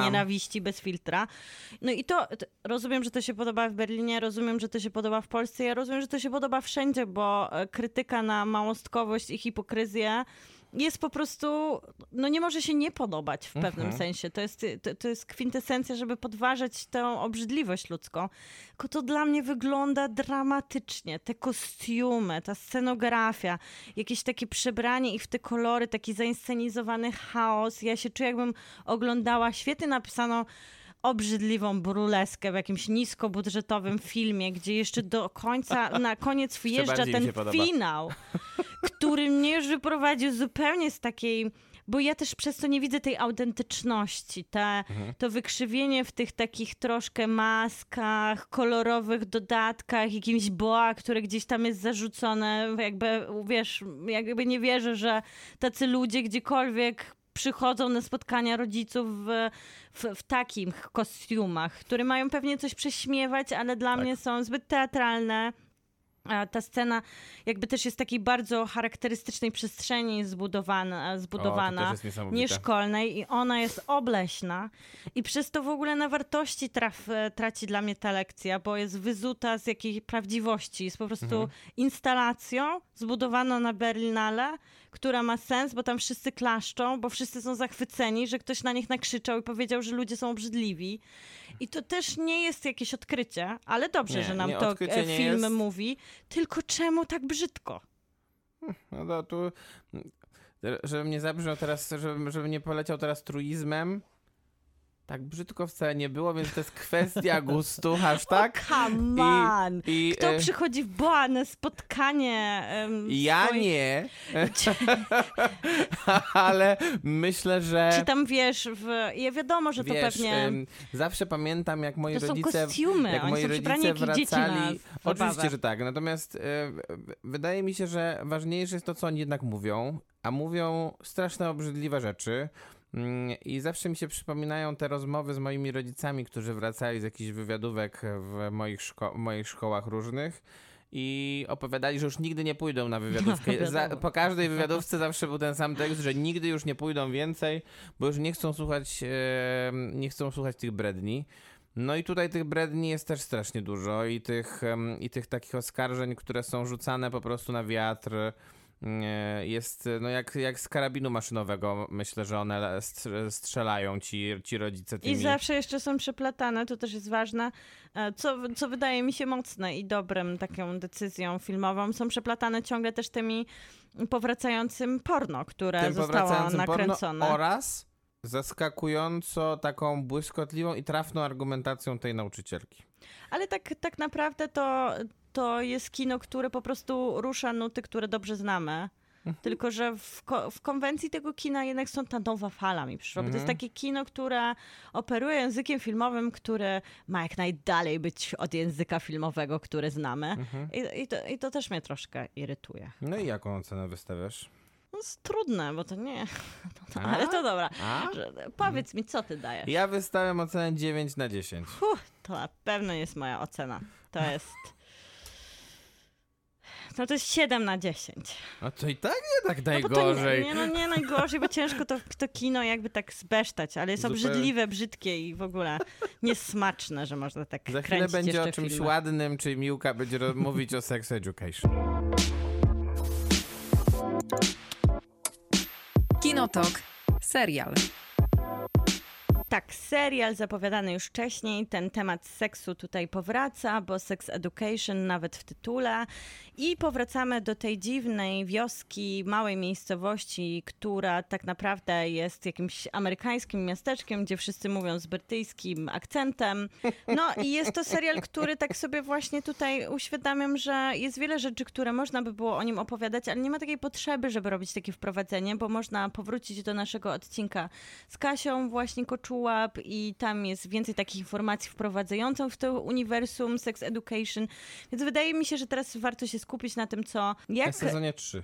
tak, jak Netflix postanowił ten serial kontynuować, bo jednak kontynuacje w tym takim współczesnym świecie telewizji jakościowej są trudne, różnie się to udaje.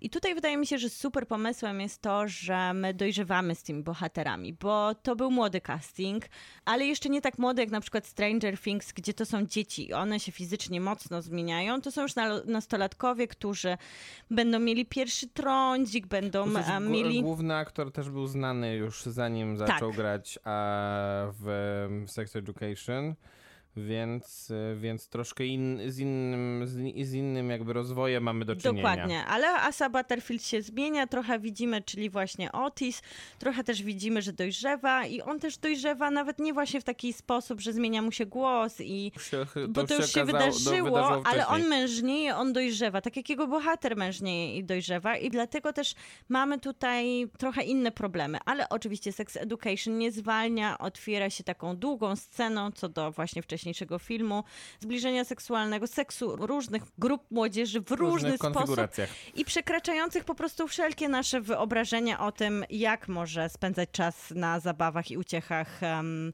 młodzi ludzie mogą. I to mi się podoba, że ten serial tak naprawdę szuka cały czas, za każdym razem szuka jakichś takich nowych, zmarginalizowanych przestrzeni, o których nikt nie mówi. Jakby wiemy już te wszystkie podstawy, które były atakowane, miały trudniej, nie wiem, LGBT, zmiana płci, e, jakiekolwiek odkrywanie siebie i swojej seksualności, ale oni grzebią tak głęboko, że każdy, praktycznie każdy może się odnaleźć w tym serialu. Nawet jakiś, jakimś takim mini procentem jakiś odczuwa jakichś swoich potrzeb seksualnych i znajdywania siebie. No więc tutaj to się nie zmienia. Jakby serial się otwiera na to, żeby budować nowy dialog z seksem na każdej możliwej podstawie i dawać głos każdemu możliwemu człowiekowi. Nawet wydaje mi się, że idzie krok dalej i chociaż mówił o młodzieży, to teraz też skupia się na dorosłych. Pokazuje późną ciążę głównej bohaterki. Mamy Otisa, czyli Gillian Anderson, bohaterki, która zachodzi w ciążę i jakby też mówi o tym, z jakimi się zmaga problemami. Pokazują też problemy bezpłodności u starszych bohaterów, więc jakby serial się też otworzył na taką edukację nie tylko młodzieżową, ale po prostu stwierdził, że to jest też serial, który oglądają rodzice z dziećmi, e, dorośli i może dajmy też im tematy, które są dla nich trudne, nie tylko wspierajmy młodzież. No i nowym jakby pomysłem na opowiedzenie historii, no bo jakby wyczerpał się ten element, że trzeba w szkole opowiadać o seksie, bo już wszystko zostało opowiedziane, pojawia się, i to wydaje mi się takim bardzo współczesnym głosem, nowy element i jest to element totalitarny, który mówi o tym, że niezależnie w jakiej przestrzeni liberalnej bylibyśmy, nieważne ile odkryjemy kart, jak bardzo się otworzymy na nowe, nieznane, na dialog, na dialog związany z seksualnością, to zawsze z zaskoczenia może przyjść coś, co będzie nam chciało tą wolność odebrać. Ktoś, coś. Ja, jakaś jednostka, w tym wypadku jest to nowa bohaterka. Grana to też jest niezły zabieg, e, zabieg castingowy przez Jeremiah Kirkę, czyli bohaterkę znaną z Girls, taką tam najbardziej rozbuchaną, najbardziej liberalną. Więc ten totalitaryzm pojawia się w takim ładnym opakowaniu. Takim cool, takim wydaje się przystępnym, takim, który potrafi oczarować, żeby w pewnym momencie po prostu zacząć ograniczać naszą wolność. Więc to jest taki bardzo współczesny komentarz do, do, jakby do, do wszystkich naszych niepokoi. I, I to jest mądre, i to jest fajne, i to jest po, pokazane w taki zabawowy sposób. Jak Są zawsze też- kolorowo, tak, ta estetyka się nie zmienia, to wszystko montażem. dobrze wygląda. My też e, wracamy do takiego, wydaje mi się, że to dobrze działa w tych powrotach, jeżeli one są jakościowo prowadzone. Wracamy do miejsca, do, kt- które znamy, wracamy do bohaterów, z którymi się czujemy swobodnie.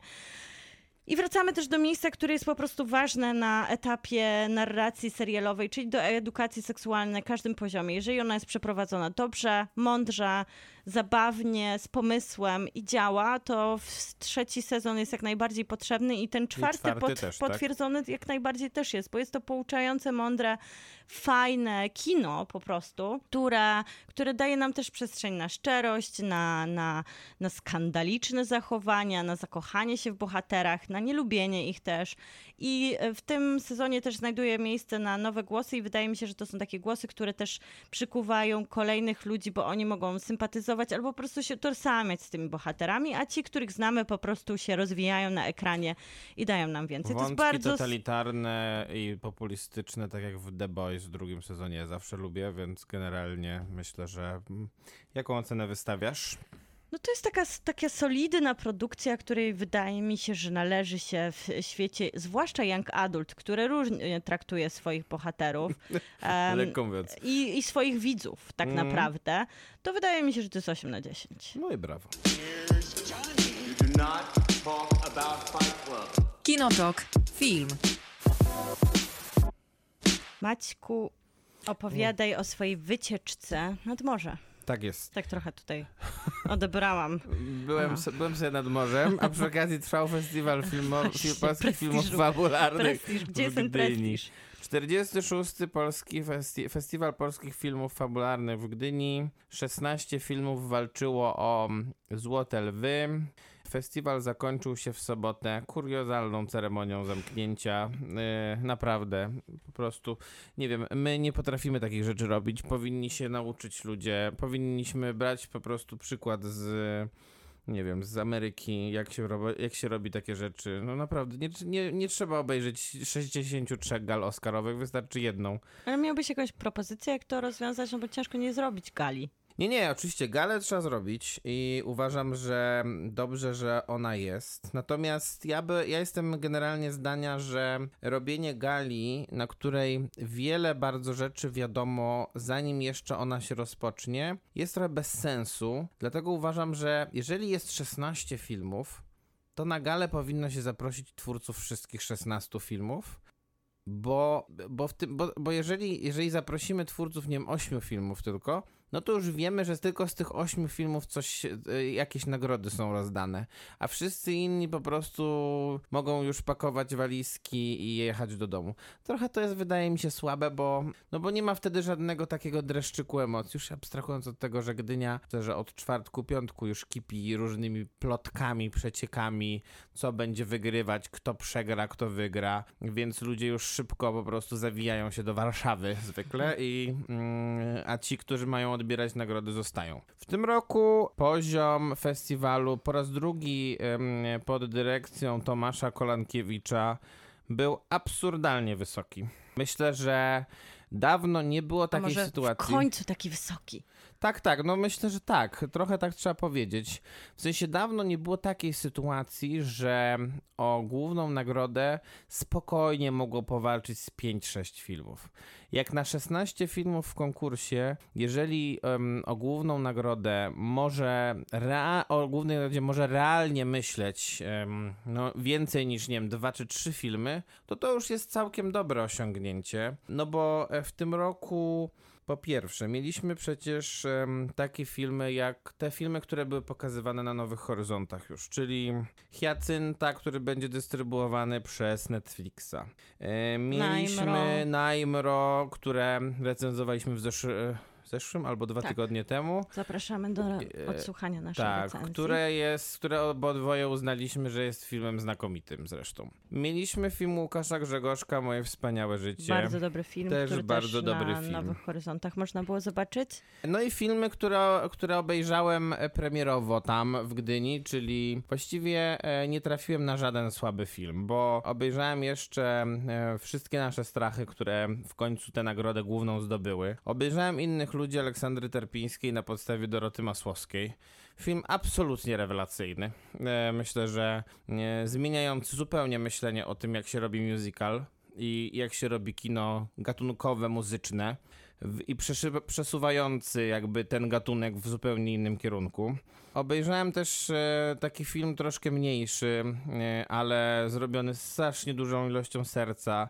Film debiutującego reżysera Bartosza Blaszkę Sonata, który opowiada o niepełnosprawnym pianiście. Był to potencjał do takiej, e, takiego bardzo przerysowanego, mm, prostego biopiku, a udało się zrobić naprawdę kino, w którym jest bardzo dużo serca i jest bardzo dużo zaskakujących rzeczy w kontekście chociażby aktorstwa, które nie tylko główny odtwórca, odtwórca głównej roli Michał Sikorski, który dostał nagrodę za debiut aktorski, robi tutaj nieprawdopodobną robotę, ale co najbardziej chyba zaskakujące, świetną, jedną z najlepszych kobiecych ról tego festiwalu daje Małgorzata Foremniak.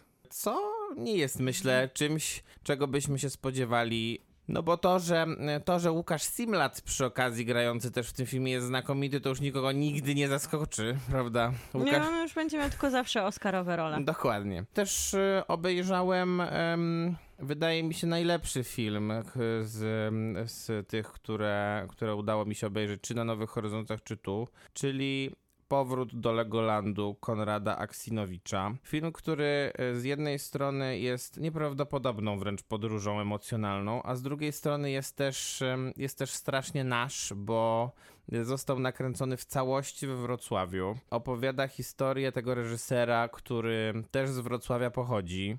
Opowiada jego historię rodzinną ojca, który był alkoholikiem, którego gra Maciej Sztur w Oscarowej roli. Jest to taki niesamowity film z tego też powodu, że pierwsze pół godziny tego filmu sugeruje, że będzie to jakaś taka lekka, troszkę magiczna, taka bardzo, bardzo em, fajnie poprowadzona historia. I potem nagle w połowie filmu dostajemy taką niesamowitą emocjonalną woltę. Dostajemy film, dostajemy em, historię któ- e, alkoholika, który, który jest absurdalnie przemocowy niemalże w tym. I no o alkoholizmie w Polsce opowiada się w filmach co, co tydzień niemalże. Ale tutaj to jest opowiedziane w sposób tak, em, tak poruszający i tak prawdziwy. I to jest em, zasługa na pewno roli Macieja Sztura, na pewno tego, w jaki sposób reżyser osobiście podszedł do tej, do tej opowieści, no ze względu też na to, że opowiadał swoją historię. No i też ze względu na to, w jaki sposób fantastycznie partneruje Szturowi Weronika Książkiewicz. To jest kolejna niespodzianka aktorska, bo, bo jednak Weronikę Książkiewicz czy Małgorzatę Foremniak kojarzymy raczej z komediami, z białym plakatem lub z serialami, Mm, a tutaj em, obydwie one zagrały fenomenalne role filmowe. No i sam ten film, któremu, który, jak, któremu jako jedynemu dałem 10 na 10 z tego, z tego konkursu, niestety wyjechał z festiwalu bez żadnej nagrody.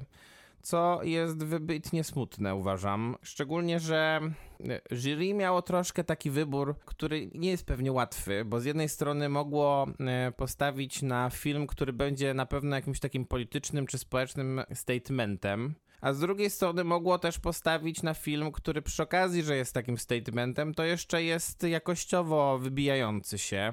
I trochę, mm, I trochę jesteśmy w kropce, bo jury postawiło na film bardzo dobry, ale jednak, który jest zdecydowanie bardziej statementem niż dobrym filmem. E, Bo wszystkie nasze strachy są filmem e, bardzo poetyckim, są filmem bardzo takim unikalnym, jeśli chodzi o język filmowy, bo Łukasz Ronduda po prostu w sposób bardzo specyficzny No to opowiada. jest też e, artysta, więc on potrafi łączyć takie plastyczne Dokładnie. pojęcia. On łączy sztukę z językiem filmowym i łączy ją bardzo sprawnie. Natomiast y, to nie jest film pozbawiony problemów, wydaje mi się, i tam są różnego rodzaju słabości wynikające na przykład z niedopracowania drugich i trzecich planów bohaterów, czy z takiego, z takiego czasem zdecydowanie zbyt mocnego stawiania kropki nad i w niektórych scenach, e, szczególnie wynikającego, wynika, wynik, co wynika szczególnie z doboru muzyki, która wydaje mi się, że nie zawsze dobrze tutaj opowiada film.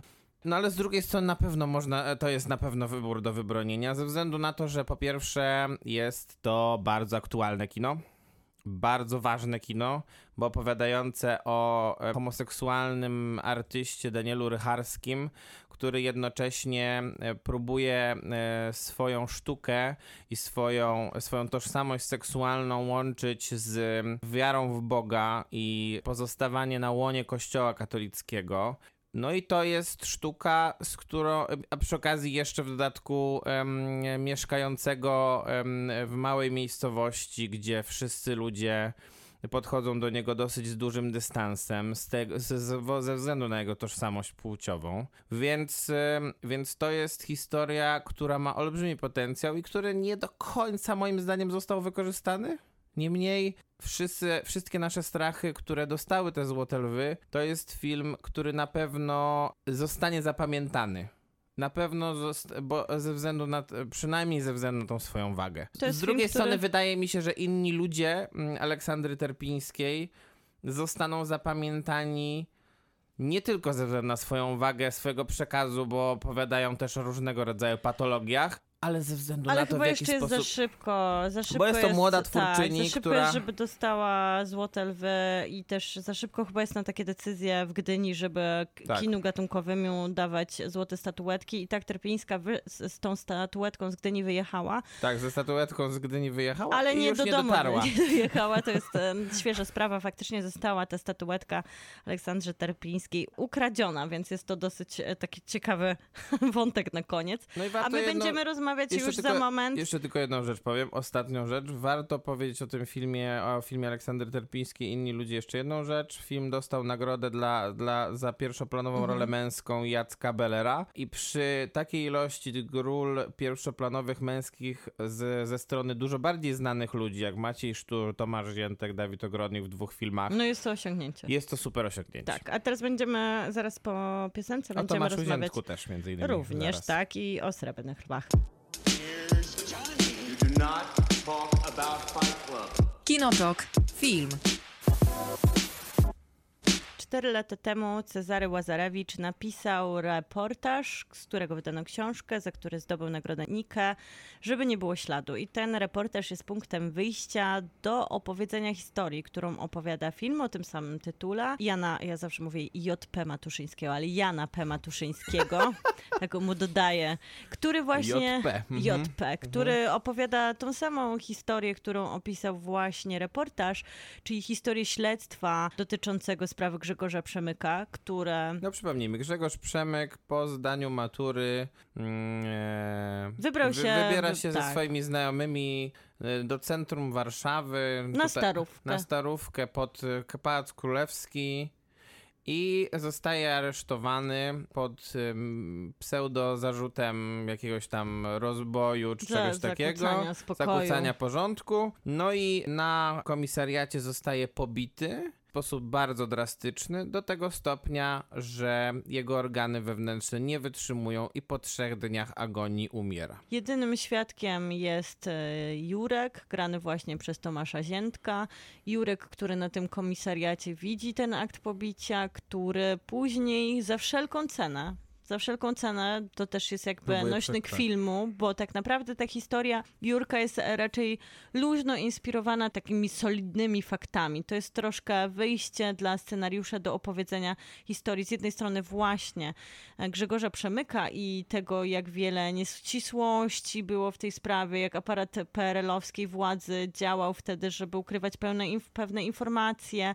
No a z drugiej strony właśnie ten Jurek jest takim elementem człowieczeństwa i takiej dodatkowej fabuły, która niesie ten film, przynajmniej z założenia ma nieść ten film jako taką fabularną historię, Tak, która tak. dodaje też troszkę nowego światła na historię, którą wydaje mi się, że w Polsce raczej jest znana przez większość obywateli. Sprawa Grzegorza Przemyka wraca po, po latach, wraca też w kontekście współczesnych wydarzeń, tego co się dzieje na niektórych komisariatach w Polsce, więc jakby Często ta... niestety we Wrocławiu. E, tak, jakby ta historia często wraca jako przypomnienie historii, więc Jurek został taką, taką opowieścią, która niesie też trochę, wydaje mi się, językiem Matuszyńskiego, który lubi opowiadać o takich wątkach rodzinnych, emocjonalnych, rozterkach, bo tutaj poznajemy i to jest dosyć ważne przy wątku, żeby nie było śladów bardzo, bardzo wielu bohaterów.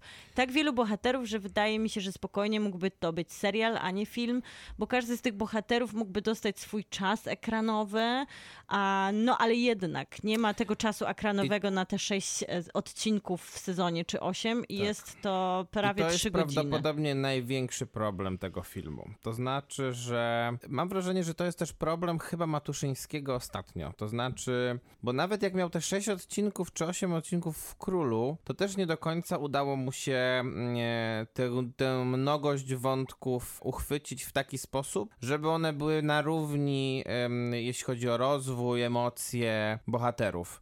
Tutaj ma jeszcze mniej czasu, a mam wrażenie, że tych bohaterów jest jeszcze więcej niż w Królu. Oni się mnożą i mnożą I po prostu mnożą. co chwilę się pojawiają. Jeszcze w dodatku pojawiają się na zasadzie takiego odwracania uwagi, bo jak się tworzy, no, jak jest nowy wątek, to nawet to, to nowa gwiazda kina też się pojawia. Bo trochę ten film jest też tak robiony, że wchodzimy w świat, gdzie mamy tylko tak naprawdę Tomasza Ziętka, bo, bo Grzegorz Przemyk znika z ekranu w ciągu, nie wiem, pierwszych 10 minut filmu. I, a potem Tutaj dostajemy partię, tu jest Robert Więckiewicz, tutaj jest Tomasz Kot, tutaj jest matka e, Przemyka, e, z którą jakąś nie do końca określoną relację ma, e, ma bohater mm, Jurek, grany przez właśnie Tomasza Ziętka. Tutaj z kolei jesteśmy w prokuraturze, tutaj jesteśmy w SB, tak. tutaj jesteśmy w policji, tutaj w rodzinie. Jeszcze się okazuje, że rodzina też jest powiązana z policją, bo jego ojciec, którego gra Jacek Braciak No też... i już opowiadając to, myślę, że Już w tym momencie zmęczony. nudzisz słuchacza, jesteś ty zmęczony i trochę tak się dzieje w tym filmie, że ja miałam takie wrażenie, że na początku Ten film świetne miałam, ma otwarcie, ma naprawdę. świetne otwarcie. Ja miałam sobie gniew, wściekłość, bezsilność, wszystkie te emocje, które mnie niosły przez długi czas, współczucie, rozpacz, zagubienie, silne emocje, ja dosłownie sapałam w trakcie seansu, tak. w sensie Ja, wydawałam ja takie z kolei odgłosy... byłem takim klasycznym widzem telewizji, e, który, który jak, jak, jak coś takiego jest, z czym się nie zgadza, to mówi do ekranu. A, to ja, ja, ja, ja myślę, że też wydawałam jakby dźwięki swojego sprzeciwu na niesprawiedliwość, na ten opresyjny system, na współodczuwanie z bohaterami. Aż nagle, kiedy kończy się trochę ten motyw właśnie Jurka, bohatera, który robi wszystko, by walczyć o prawdę, czy to trywialnie brzmi, czy nie tutaj to działa, bo my jesteśmy źli za to, co spotkało Grzegorza Przemyka. My chcemy, żeby Jurek niósł ten krzyż i do, do, im dalej idziemy jakby poza to, tym bardziej tracimy te wszystkie emocje. Tak.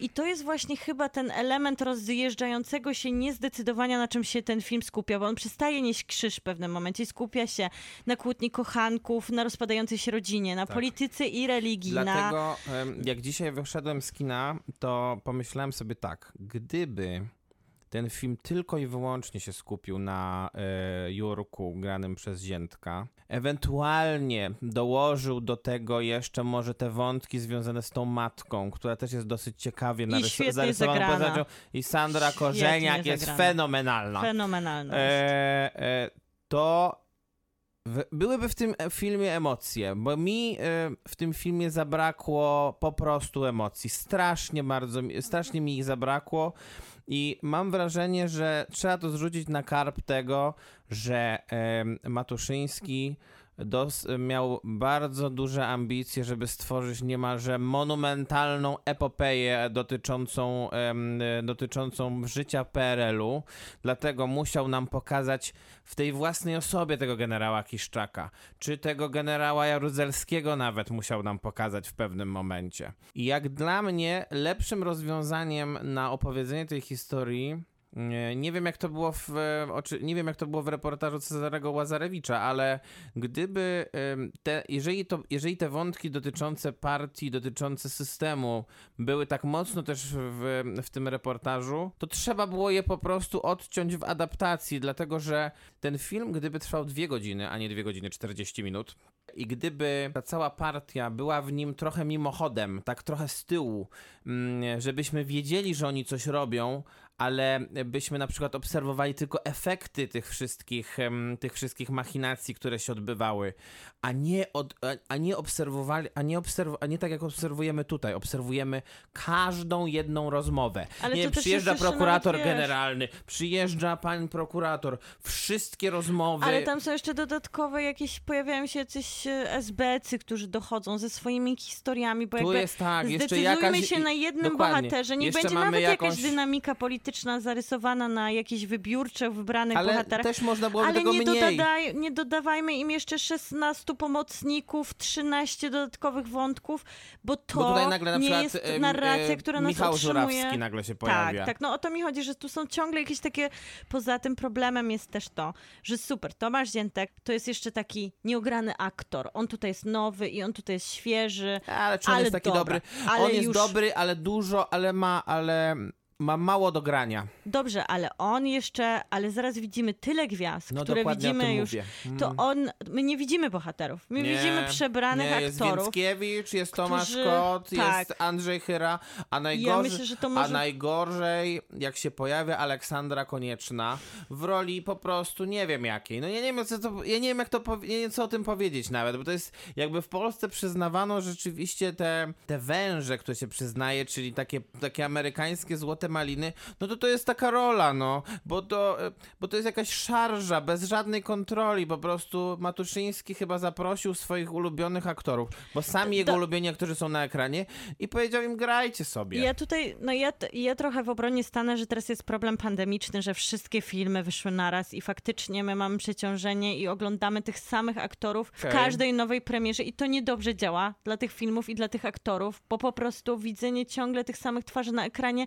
nie działa odkrywczo na, na rolę. I to No jest niby problem pan, tak. pandemii, ale faktycznie u Matuszyńskiego ci aktorzy aż za bardzo są przebrani, aż za bardzo i po, poza tym, oni mają za mało czasu, żeby stworzyć Oczywiście, bohaterów z tak. krwi i kości, więc po prostu widzimy charakteryzację. Poza tym tutaj ta charakteryzacja, scenografia, to wszystko, co jest perfekcyjnie zrobione, też jest tym, co głównie widzimy, Tak. ponieważ nie ma ludzi z krwi i kości, no to widzimy te, te przestrzenie, w które jest Tak, tak. tutaj dużo zainwestowane. Zdjęcia, I to wygląda świetnie. niesamowite. Tylko, że ten film dosłownie się nie może zdecydować na wątkach, które prowadzi fabule, ale jeszcze dodatkowo nie może się zdecydować, czy jest opowieścią obrazem, czy opowieścią treścią. Więc my już w ogóle jako widz przez trzy godziny jesteśmy na, roz, na rozstaju dróg i problem jest taki, że my jeszcze w Polsce sobie z tym poradzimy, bo to jest film ważny dla nas w kontekście. Mhm. zmian historycznych i w kontekście współczesnych problemów, tak. które niesiemy no, na barkach. wiedzą, kim był Grzegorz Przemek. Ale jako Oscarowy kandydat, to to jest film e, na, na tyle trudny, wydaje mi się, na tyle wielowątkowy. No, trudny do że- sprzedania że też to, tam. To, ciężko wymagać od, od zagranicznego widza, żeby był zaangażowany w, Oczywiście. w, w takie Ale kino. powiem ci jeszcze jedną rzecz a propos tego, co powiedziałeś, że rzeczywiście cały czas widzimy tych samych aktorów. Tylko, że e, to też, to też jest pewnego rodzaju objaw słabości, żeby nie było śladów, bo w zeszłym tygodniu recenzowaliśmy Naimro, w tym tygodniu recenzujemy film Matuszyńskiego. W obydwu tych filmach występuje Robert Więckiewicz. Występuje. Tylko, że w Naimro widać, że Robertowi Więckiewiczowi chciało się grać. A u Matuszyńskiego Robert Więckiewicz po prostu odcina kupony od swojej, e, od swojej aktorskiej klasy, siedzi i mm, zagrał sobie generała Kiszczaka. No dobra, tutaj trochę stanę w obronie, że on tego kiszczaka niesie tylko na jakichś fizycznych zmianach No na swojej tak. twarzy i robi to wyśmienicie, tylko on tutaj, po pierwsze to jest zbyt znana postać, żeby ją nam pokazywać i jakoś nam ją ogrywać i ciężko coś Tak o samo niej... jest tutaj z Jaruzelskim. No właśnie, i ciężko coś o niej opowiedzieć, jeżeli byśmy nie weszli w nich i trochę nie zaczęli o nich zmyślać. I wtedy by było spoko, jak oni by wyszli z takiej sfery komfortu historycznego. tak, szczególnie, że na samym Ale jak początku oni filmu... zostają w tej sferze dostajemy- komfortu i nic się z nimi nie dzieje. Tak, tylko właśnie to jest problem, bo na samym początku filmu nawet dostajemy taką planszę, w której jest napisane, że e, co prawda to jest oparte na wydarzeniach prawdziwych, ale niektóre interpretacje są na potrzeby Mhm. filmu zrobione. Tylko, że dlaczego dostajemy tylko te interpretacje, które, mm, które prawdopodobnie wynikają z całej postaci tego Jurka?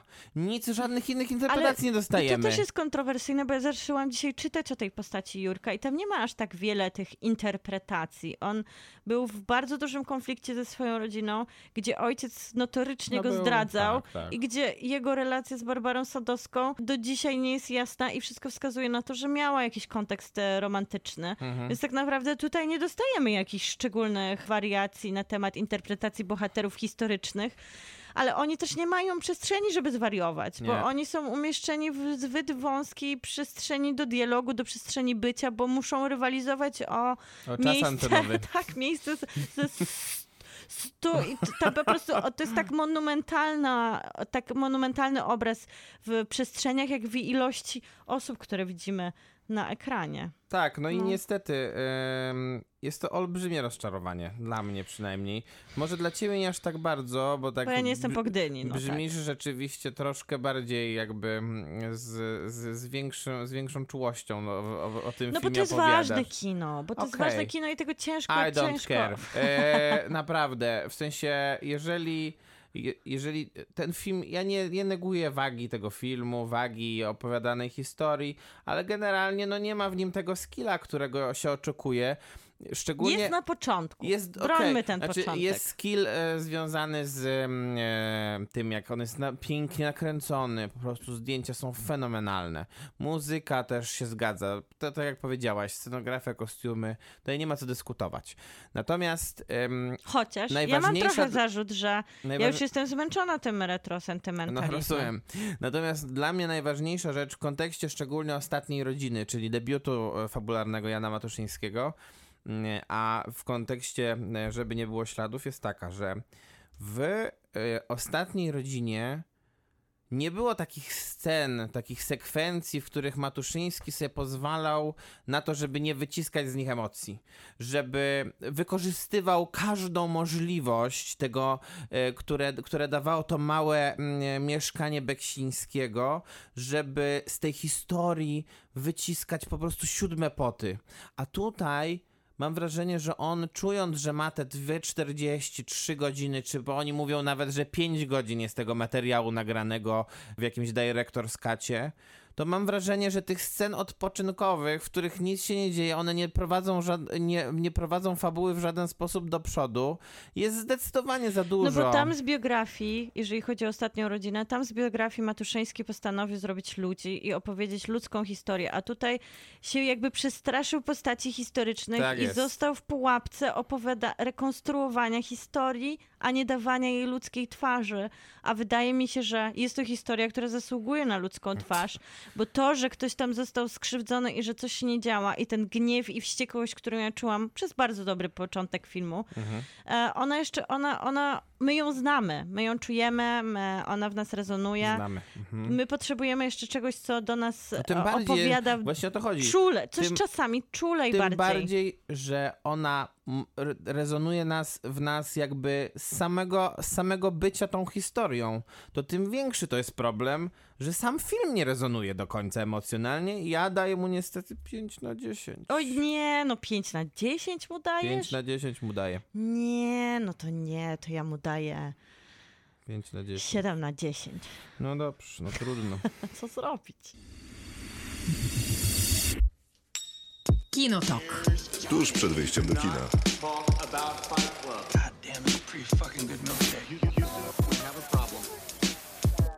Zdążyliśmy. Zdążyliśmy. Jak zwykle Tak mamy jest. dużo do Brawo, powiedzenia, bo nie ma brawo. Krzysztofa, który by nas tutaj przerywał nam i Tak uczył, jest.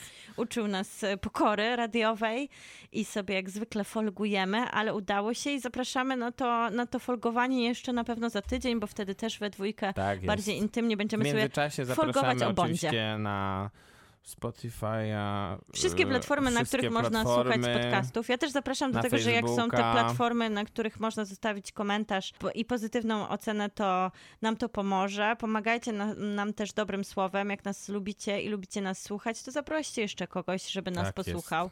My się bardzo ucieszymy. Pozdrawiamy przyszłym tygodniu tatę będziemy Maćka. oczywiście mojego tatę. I już nic nie mówimy o przyszłym tygodniu, Tylko bo czas powiem, że o nieubłaganie Bondzie mija. będziemy rozmawiać, Tak, to na pewno. tak, to tak, to tak. można zapowiedzieć na Folgować pewno. będziemy o Bondzie i będziemy się teraz żegnać. Miłosława Bożek. Maciek Stasierski.